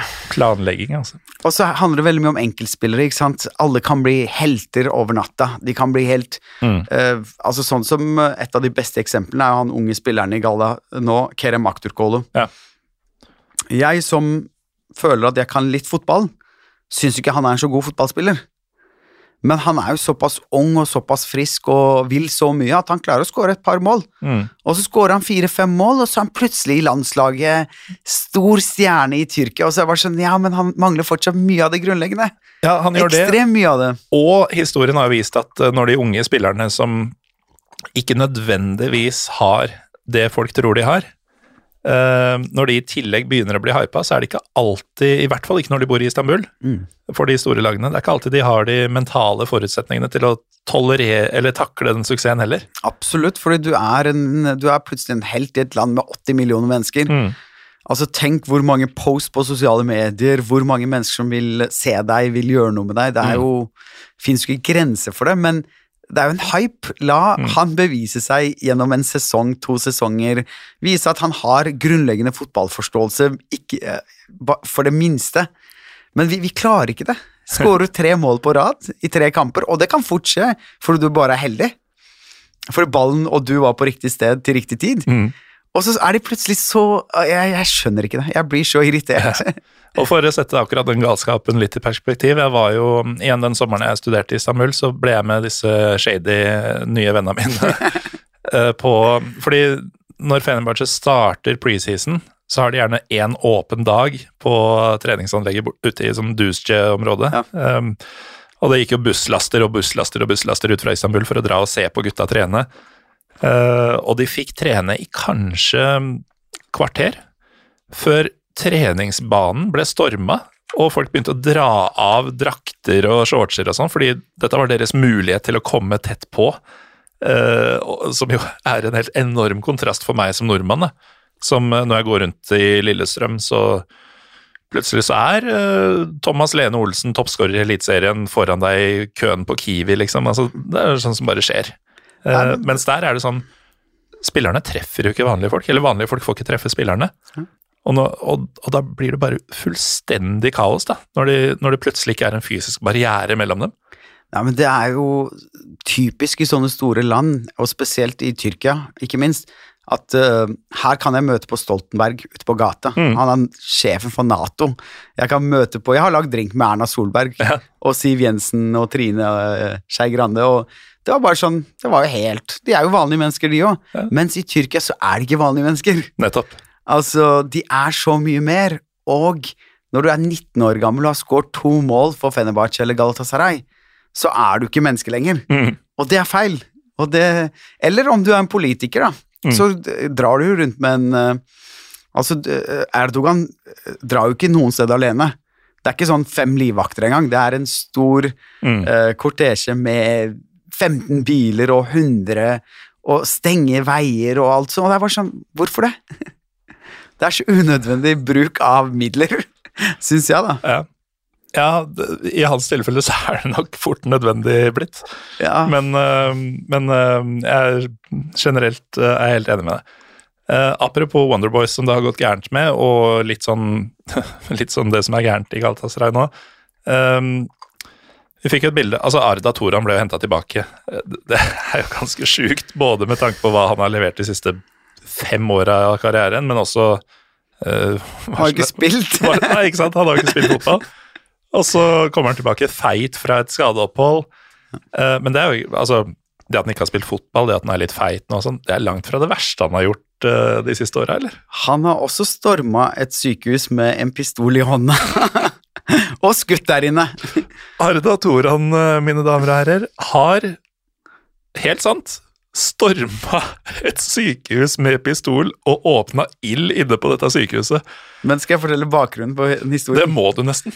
Uh, han drar på en klubb, altså et utstand, og så møter han en dame som han snakker med. Det er jo det mediene selvfølgelig altså skriver. Og det viser at hun er dama til en eh, sanger. Kjent tyrkisk sanger. Mm. Uh, han prøver seg på henne, tydeligvis, og så blir det en sånn konfrontasjon mellom de to. Uh, sånn at Arda Turan brekker nesa på han. Mm. Og så havner han på sykehus, og så drar han til sykehuset tilbake og gir ham pistolen og sier 'skyt meg'. Uh, for jeg har liksom vært frekk mot deg, jeg visste ikke det, mm. whatever, whatever. Og så går jo den pistolen. så de skyter i et sykehus, og så blir det en kjempesak. Uh, så Men det fins verre. Det fins jo også en historie hvor en uh, eks-Besjiktas Eller han spiller for Besjiktas nå igjen, Gökhan Tøre. Ja. Uh, som har spilt for liksom Besjiktas og litt småklubber og tilbake i Besjiktas nå. Mm. Hamburg før han kom til Tyrkia. Ja, Hamburg, faktisk. Og han uh, Under et landslagsopphold så har han tatt med seg en pistol. Og satt pistolen i munnen på Hakan Chalanolu, som spiller for Inter nå. Det ble også en veldig stor greie rundt. Så tyrkiske fotballspillere er jo også gærne, men, ja. uh, men Arda Turan var et veldig unødvendig kjøp. Han skulle ikke ha kommet til galla, men så skjønner jeg også den tingen der. I Tyrkia så handler det veldig om, mye om hierarki. ikke sant? Det handler om de litt eldre spillerne, de yngre spillerne, at de trenger et, uh, en rollemodell. Mm. Uh, hvis man Juventus har jo også den tingen. Milan hadde jo også den der Gentleman's Table-greia med de der Nesta, Maldini, Pirlo-greiene. Mm. At de litt eldre må være der liksom, for å liksom guide de yngre og liksom være en sånn greie. Og eneste grunn for at han ble kjøpt inn, var fordi han er en veldig lojal Galla-supporter, og fordi han skulle være et forbilde for de litt yngre spillerne som skulle bli kjøpt inn. da.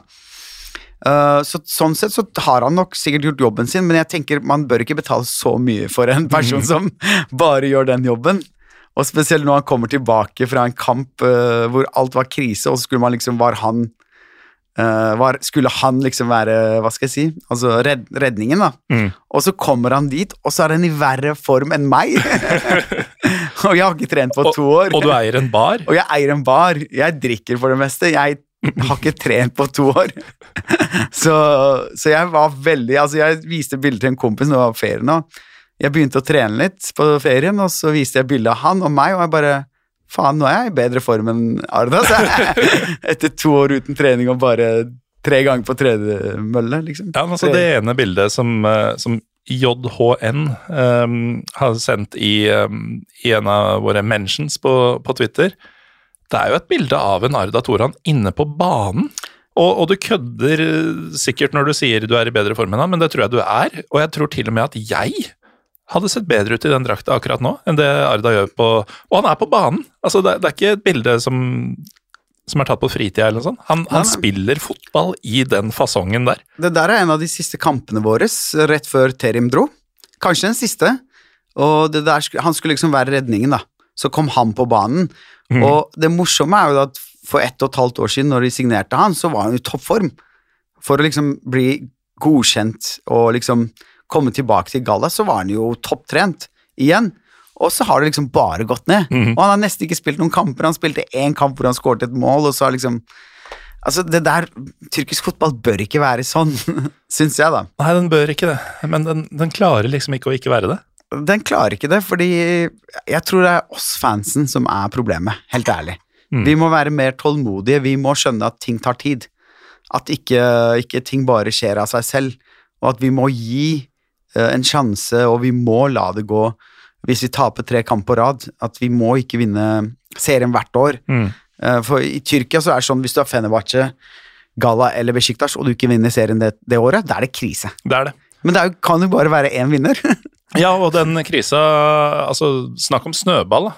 Når Fenerbahçe da ikke vant De vant vel sist i 2014, ja. og da de da ikke vant i 2015, ok, ikke full krise, men ok, vi, vi er i trøbbel. Og så vinner de ikke i 2016 heller. Nå er det to år siden. Nå må vi gjøre noe drastisk. Mm. Og så går ikke det. Og så er det 2017, nå har vi ikke vunnet på tre år.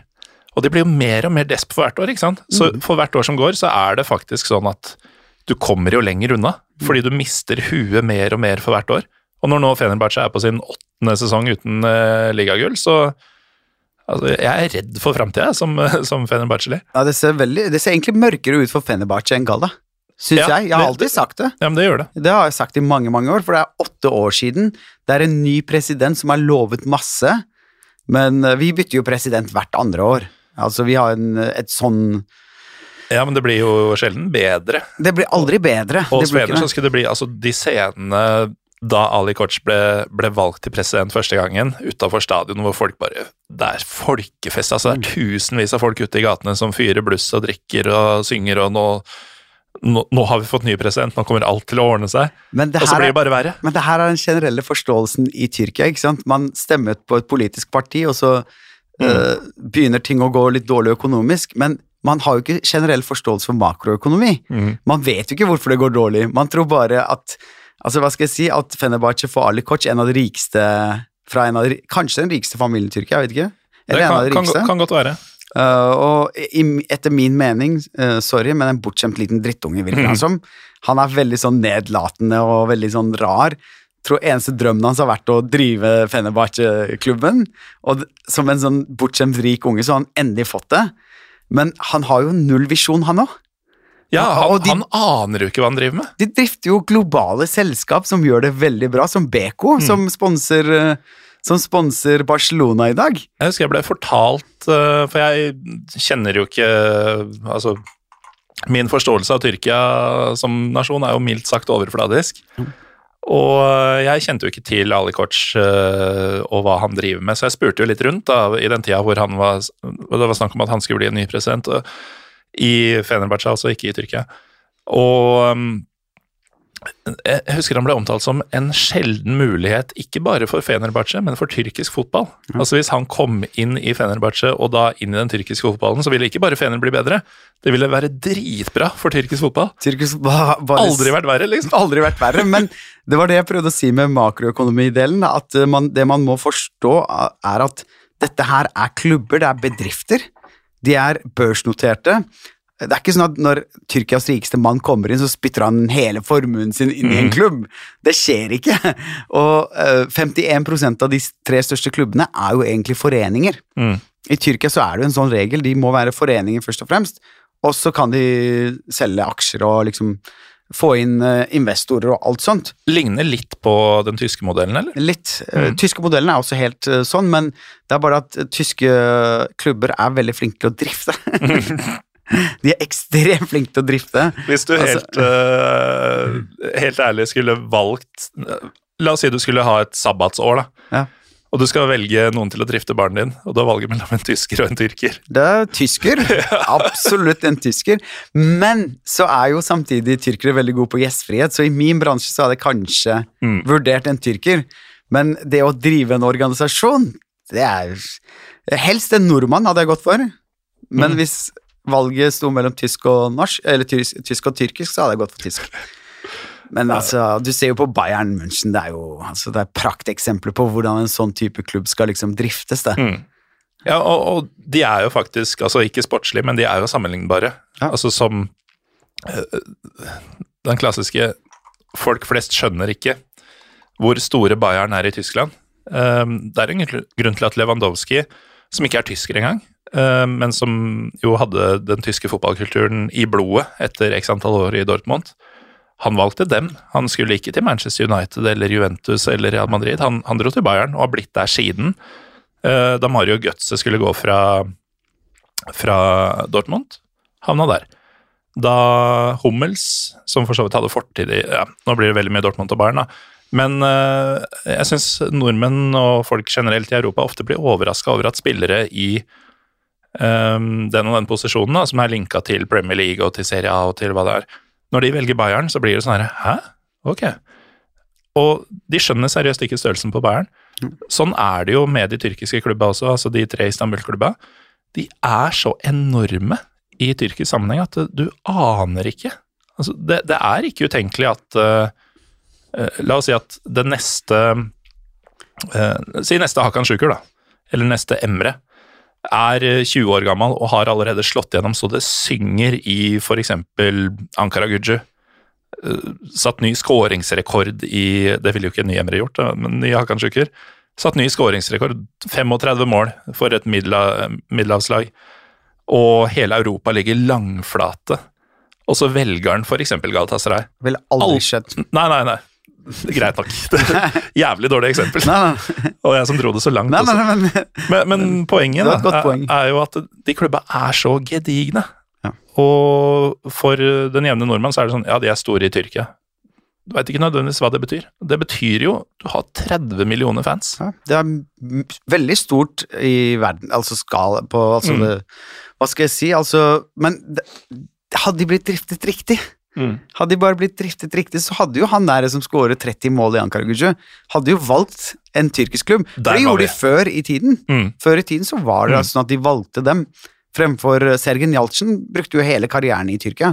Nå er ikke han det beste eksempelet, da. Han er jo også en fyr som har gått ut og karakter. sagt Han var en karakter. Uh, han sier jo også det at uh, Bayern var og så på han, og så bare uh, sa de nei når de fant ut hvordan privatlivet hans var, da. Men han har jo spilt for de fire største klubbene, og han er en av to, tror jeg, som har gjort det. Han og Burak Yilmaz fra ja. Lill. Og så uh, er han jo veldig morsom karakter, altså han elsket jo å gamble. Så den dagen han skårte to mål mot Chelsea på bortebane i Champions League, og vant kampen, så han faktisk tippa på den kampen. Mm. han hadde tippa 50 000 euro eller noe sånt på at de skulle liksom Eller kanskje ikke så mye, men han sier det selv i hvert fall i et intervju, da, at han har tippa på at de skal vinne den kampen. Mm. Og det Han var jo han var en ekstremt talentfull spiller. Mm. Ja, han kunne virkelig blitt uh, Altså, vi har snakka om Haji og Alex. Han, han, kunne blitt den fyren blitt, fra Tyrkia. Jeg tror faktisk han var bedre enn dem. Hvis han hadde På talent? Ja, på talent så var han bedre enn dem. Hvis han hadde bare utnytta potensialet sitt, så tror jeg han hadde mm. For han er fortsatt etter min mening beste midtbanespilleren som har spilt i Tyrkia. Eller som er tyrkisk, da. Hmm. Drøyt. Han er Altså, se på gamle videoer han. er helt ekstrem. Vi har uh, eh, snakka mye om fotballkulturen i Tyrkia. Vi var litt innom Galatasaray-supportere på, på, vondt da vi snakka om uh, Leeds og sånn.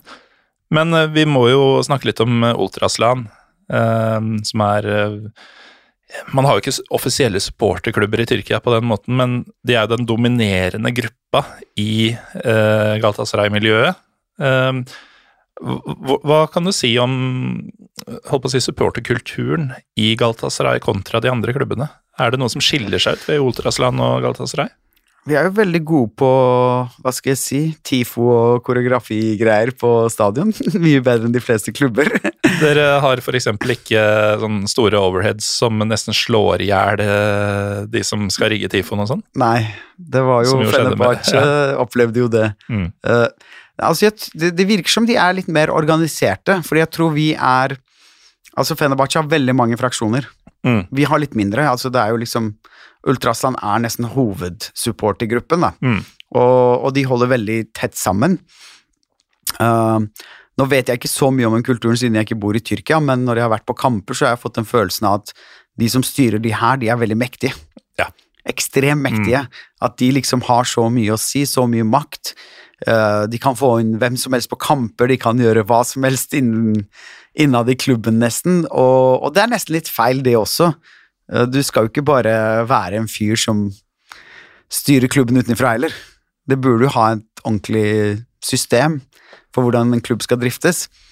Eh, men sånn rent utenfra så føler jeg at fansen vår er veldig De er veldig ordentlige, de er veldig er på kamper og heier på og liksom er med klubben uansett.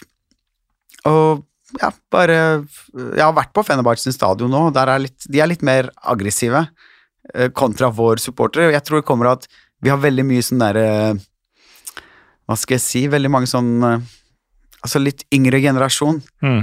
Litt mer Litt mer folk som har litt Hva skal jeg si, altså Jobber på et kontor, har liksom ting i orden. litt mer dannede folk? Litt mer dannede folk, jeg vil ikke si det, men, men jeg tror det er sannheten. At de liksom er litt mer sånn de sitter og bare ser kampen og har det hyggelig. Mm. Og så har jeg vært på Fenerbahçe stadion, og der er det liksom altså, Der er det kaos.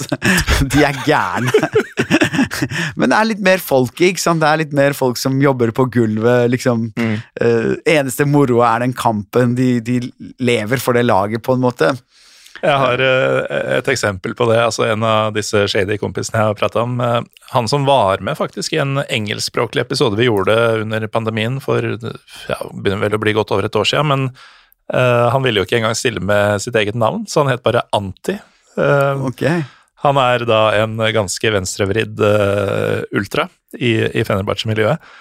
Og i den tida jeg kjente han, han har jo drevet og studert det ene og det andre og røyka weed og liksom bare sånn Aldri hatt en jobb, aldri Hver gang jeg møter han, så er det sånn Ja, nå studerer jeg dette i stedet. Uh, og så er det Apropos GC-protestene, uh, vi har jo utveksla litt klær og sånn opp igjennom. Uh, det er en video som jeg tror gikk på CNN Turk, hvor uh, det er noen som har filma fra en balkong. Han studerte i Ankara, så er det en balkong i Ankara hvor det er sammenstøt mellom politi og demonstranter, og så ser du en fyr Hvis du veit hva du ser etter, da, så er det en som står fremst i rekka der, som kaster noen steiner mot snuten. Uh, I gul og svart uh, sånn treningsjakke. Lillestrømjakke. Det er en Kanari Fansen-jakke som da denne Anti uh, går med. Men i hvert fall, sist jeg var i Istanbul, og det er en liten cliffhanger, for det er ikke så lenge til jeg skal dit igjen. Det begynner å bli noen år siden. Da hadde det også gått halvannet år siden sist, og han hadde jo vært i Ankara forrige gangen, så hadde jeg ikke sett han på et par år. Da. Og da viste det seg at han hadde fått jobb som sikkerhetsvakt på et eller annet litt sånn Jeg husker ikke helt, men det var ikke et sted han burde fått jobb, da. og så sa jo Tinn bare sånn But you're a criminal. Han bare jeg veit det, men det landet her er så skakkjørt at de veit ikke. ja, ting er litt annerledes i Tyrkia nå. Det har, gått, eh, det har gått litt mm. galt de siste årene, og spesielt med økonomien. Og samme fyr, apropos at Fenerbahçe er gærne. Uh, han var jo alltid med på de kampene jeg dro på i, den, i perioden i åra før dette også. og Det var en gang i 2013 eller noe sånt, da hadde jeg da kjent den og gått på kamper med den i et par år. Og han bare sånn Ja, Morten, i dag er en stor dag, for det er eh, første dagen etter utestengelsen min. Bare Faen er det du prater om? Du, vi har vært på kamper Det er jo femte gangen vi er her sammen. Ja, men det har vært utestengt siden før vi møttes. ja, men det er det. Altså, den fansen kan eh, Jeg har jo kjøpt billett på svartemarkedet av folk. Og så har han fyren som egentlig har solgt meg billetten, er jo også på stadion sammen med meg. Vi står rett ved siden av hverandre. Mm. Så det er jo mye sånt, og jeg tror det er en stor økonomi rundt det også, da. Mm.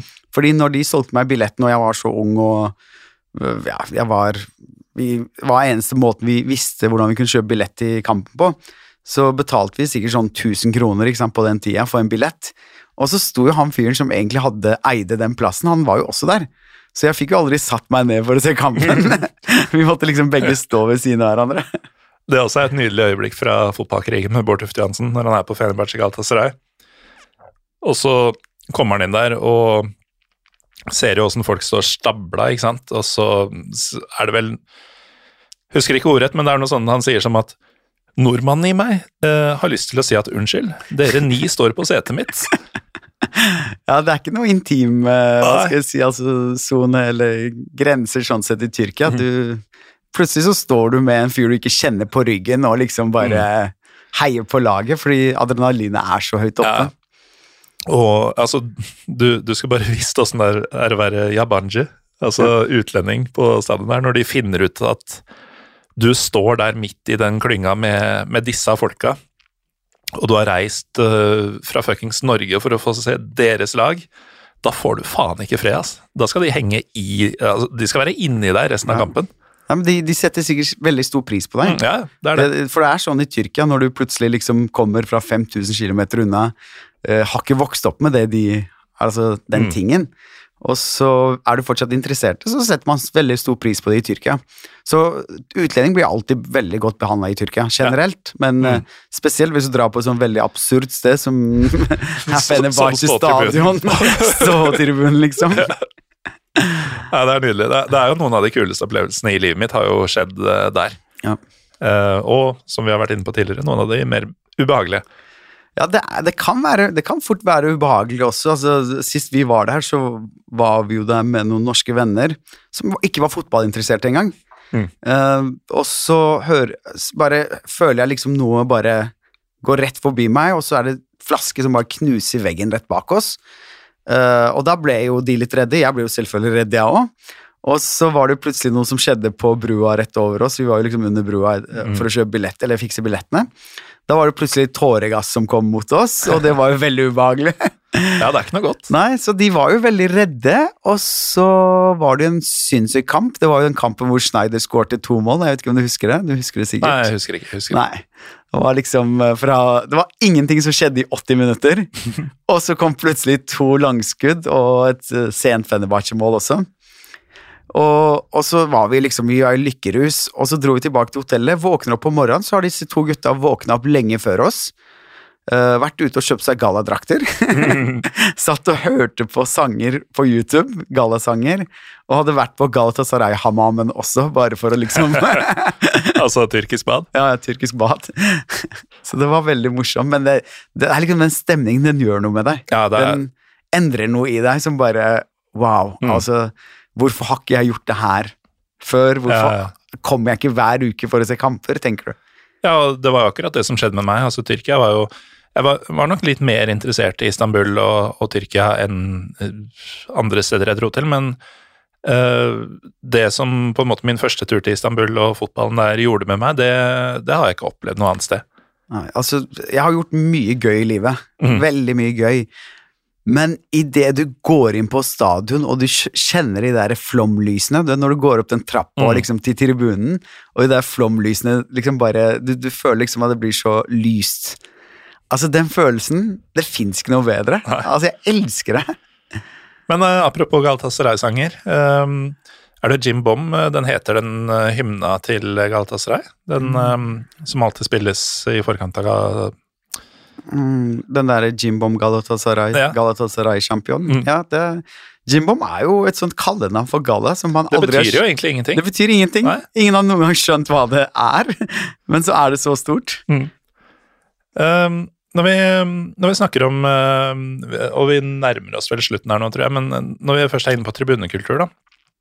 Um, hvor vil du rangere den tyrkiske Altså, nå er vi jo inne i en ordentlig sånn bølgedal, da, eh, for å si det pent.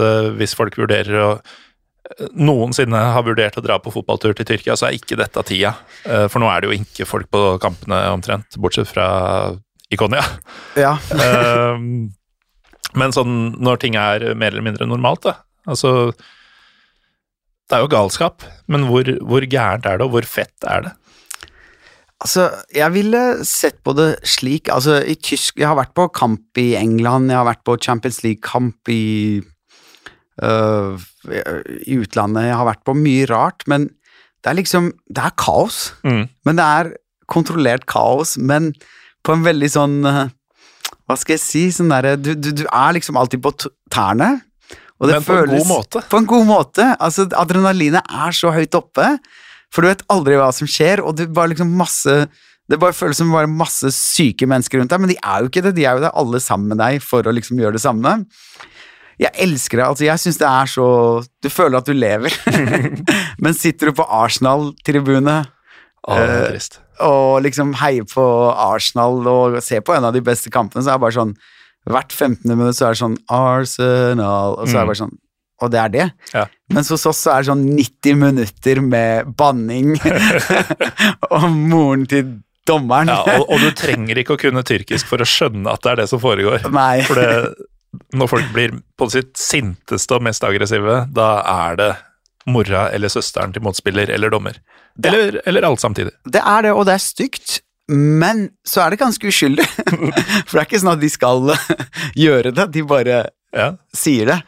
Og, og, så har de har alle sånne sanger mot hverandre. Mm. Og ikke sant, hvis du drar Gjerne på, de samme sangene, bare ja, bytte navnet. De bare bytter navnet. Ja. Hvis det er Besjiktas, sånn, og de synger den ene et av heiaropene sine, så er liksom kontraen er jo liksom samme sangen, bare mm. med banneord i, mot det laget, og det syns jeg er så, det er så morsomt. Altså, noe av det Og dette er kanskje det peneste jeg kommer til å si til en Galatasaray-fan, men uh, et av kampropa til Fener er jo Bisim Ichin, Salder Canaria, ja. altså 'skår for oss kanarifugler.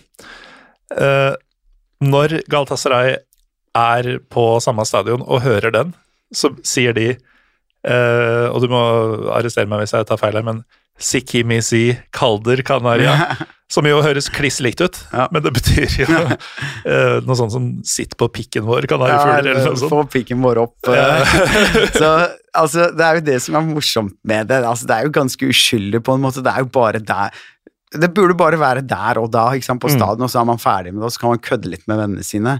Uh, og det gjør man jo mye av, og det syns jeg er gøy. Det mm. er, det er noe av uh, Hva skal jeg si Det gjør uh, fotballen morsommere, fordi en fotballkamp er ikke nødvendigvis alltid veldig morsom. Mm. men alt det rundt kan være veldig gøy, og det er liksom Og det er det man på en måte gjør det for, da. Ja. Og det er jo egentlig det Pyro Pivo er tufta på som podkast. Eh, det er jo en fotballpodkast, sies det, men det handler om alt mulig annet. Hvor mye fotball har vi egentlig snakka i dag, Jonas? Veldig lite. Ikke sant? Um, er det noe du brenner inne med som du føler du ikke har fått sagt om Galatasaray før vi runder av? Egentlig ikke. Altså, jeg bare hva skal jeg si? Jeg skulle ønske det var flere nordmenn som eh, var interessert i tyrkisk fotball mm. og likte Galatasaray eller Fenerbahçe også, hvis de vil, selvfølgelig, men uh, Ingen grunn for det. men, men, eh, men, at de i hvert fall en gang i livet bør dra til Tyrkia for å se et av de store oppgjørene. Altså. Mm. Det er ikke farlig i det hele tatt, det er ganske trygt, det er veldig mye politi. Altså, på en kamp med 50 000, uh, 50 000 supporters tror jeg er sånn regel på 10% så det er liksom Eller 5% eller noe sånt. Det er mm. flere tusen politimenn. Det er masse overvåkning, alt er veldig sånn trygt og greit. da. Ja, og spesielt de siste åra med pass og league-systemene, som vi har, vi har, nevnt i bisetninger i veldig mange episoder. Jeg gidder ikke å ta det nå igjen, men uh, det er jo veldig mye um, Folk har mye å tape da, på ja. å drite seg ut på stadion. Um, så, så, det har alltid vært relativt trygt, selv om folk ikke tror det. Og nå er det tryggere enn, enn det var den gang også. Ja. Um, og hvis man er nysgjerrig på Galatasaray som klubb eller Tyrkia som fotballand, eller på Negroni som drink, så er det jo bare å komme på Svanen i Oslo og spørre etter Jonas. Um, jo, jeg kom med en liten cliffhanger i stad. Det var jo skuffende å høre at det ikke ble noe Istanbul-turen din, fordi veit du hvor jeg drar om to uker? Hvor da? Istanbul. Ah, du skal til Istanbul, da? Mm. Skal du på kamp? Jeg tror ikke det. Jeg drar med tre stykker som, um, som ikke er noe interessert. Og uh, fokuset mitt kommer til å være å vise dem byen sånn jeg kjenner den. da. Uh, pluss at, som vi sa nå, dette er ikke tida for å introdusere noen for uh, tyrkisk fotball, tyrkiske fotballtribuner. Nei, dessverre. Men mm. Istanbul som en by er jo vakker. Altså, det er en mm. magisk by. Napoleon sa det til og med. Altså, hadde verden, verden, vært ett land, så hadde Istanbul vært hovedstaden. Ja. Og det er jeg litt enig i. Det er en helt sinnssykt flott by. Så mm. mye å se, så mye historie, så mye uh, morsomt å gjøre. Det er uh, favorittbyen min i verden, altså. Ja, min også. Um, dro dit for første gang uh, Ja, det er i disse dager 13 år siden, og at det har gått fire og et halvt år nesten nå, er jo helt sjukt, for jeg var jo der et par, tre, fire ganger i året hvert år i, i lang tid. Uh, og det er ikke noe jeg gjør med et hvilket som helst sted, altså. Uh, Istanbul, folkens, det bør være topp av prioriteringslista når det blir greit å dra igjen, og nå begynner det å bli noenlunde greit å dra igjen. Det meldes om omtrent null restriksjoner, uh, som vi ikke er vant til herfra fra det før. Det er nesten null restriksjoner nå. Jeg var i Antalya i 18 dager nå. Uh, bare for å slappe av. Mm. Og da var det jo 15 grader, vi var på stranda, vi hoppet i vannet. Uh, det var uh, flott vær, men også det fins De tar jo forhåndsreglene, ikke sant. Er veldig, de er jo veldig forsiktige overalt. Mm. Men, men de er veldig flinke på det. I Tyrkia så er det ikke som oss her i Norge. ikke sant? Kommer noen regler, så gjør alle det, og de gjør enda mer. Mens mm. her er vi veldig sånn Ja, ja, vi stenger ned. Ja. Der er de De er jo litt mer avhengig av økonomien og selvfølgelig mm. rundt det. Ja, ja, for økonomien har jo gått til helvete, for å si det pent. og Eh, så, sånn sett er jo turismen enda viktigere nå. Så, ja. så, det å reise inn i landet er helt uproblematisk, og det å ha det gøy i landet er uh, uproblematisk. Så jeg gleder meg skikkelig. Uh, det bør du som hører på også, når ja, når tror vi egentlig fotballen blir normal igjen i Tyrkia? Altså at folk begynner å dra tilbake på stadion, og, og, og det faktisk er verdt å dra ned for å se Galatasaray eller Besjiktas eller Fenerbahçe eller Bursaspor, som for øvrig det krokodillestadionet, det har jeg lyst til å oppleve. Ja, den har jeg også litt lyst til å oppleve. Og de har veldig mange Nå går det jo veldig dårlig for dem, da. Mm. Altså, de er jo i andredivisjon, og ting går bare verre og verre for dems del. Ja. Men de har mange unge, nye spillere, morsomme spillere. Mm. Jeg solgte en av dem til Tyskland nå ikke for lenge siden. Men øh, jeg vil tippe neste sesong så begynner det for fullt igjen, for nå har fått, folk fått nok. Mm. Uh, de store lagene må få inn gode trenere, noen gode spillere. Og så tror jeg liksom man må begynne å gjøre noe på tribunen igjen for å liksom mm. skape uh, liv rundt det igjen, da. Ellers så vil det jo dø ut, altså. Uh, det er veldig trist å si, men, ja, nei, men det, det, kan jo ikke det. Det vil altså, aldri skje. Det, det, kan ikke skje. Den galskapen som fins i, i, blodet på folket der, og den størrelsen på de klubbene vi snakker om, det, det kommer tilbake. Ja, det vil ha, jeg tror fot, tyrkisk fotball vil få en storhetstid om noen år igjen. Altså. Mm. Det tror jeg virkelig. Tror eller håper, eller begge? Jeg tror, for det, de har gjort så mye feil frem til nå at de må skjønne at de har gjort ting riktig. De må begynne å gjøre ting riktig. Oh, det er famous last words. Ja. Eh, takk til deg, Jonas Gildes, for at du tok med negronien din og tilbrakte det som har blitt uh, halvannen time med meg her i studio. Det gikk unna. Det gikk fort. Tusen takk for at jeg fikk komme. Takk til deg som hører på. Vi er Pyro Pivopod på Twitter og Instagram. Vi ses over en Negroni på Svanen i nær framtid. Eh, dersom du ikke bor i Oslo, så høres vi uansett i en podkast i nær framtid.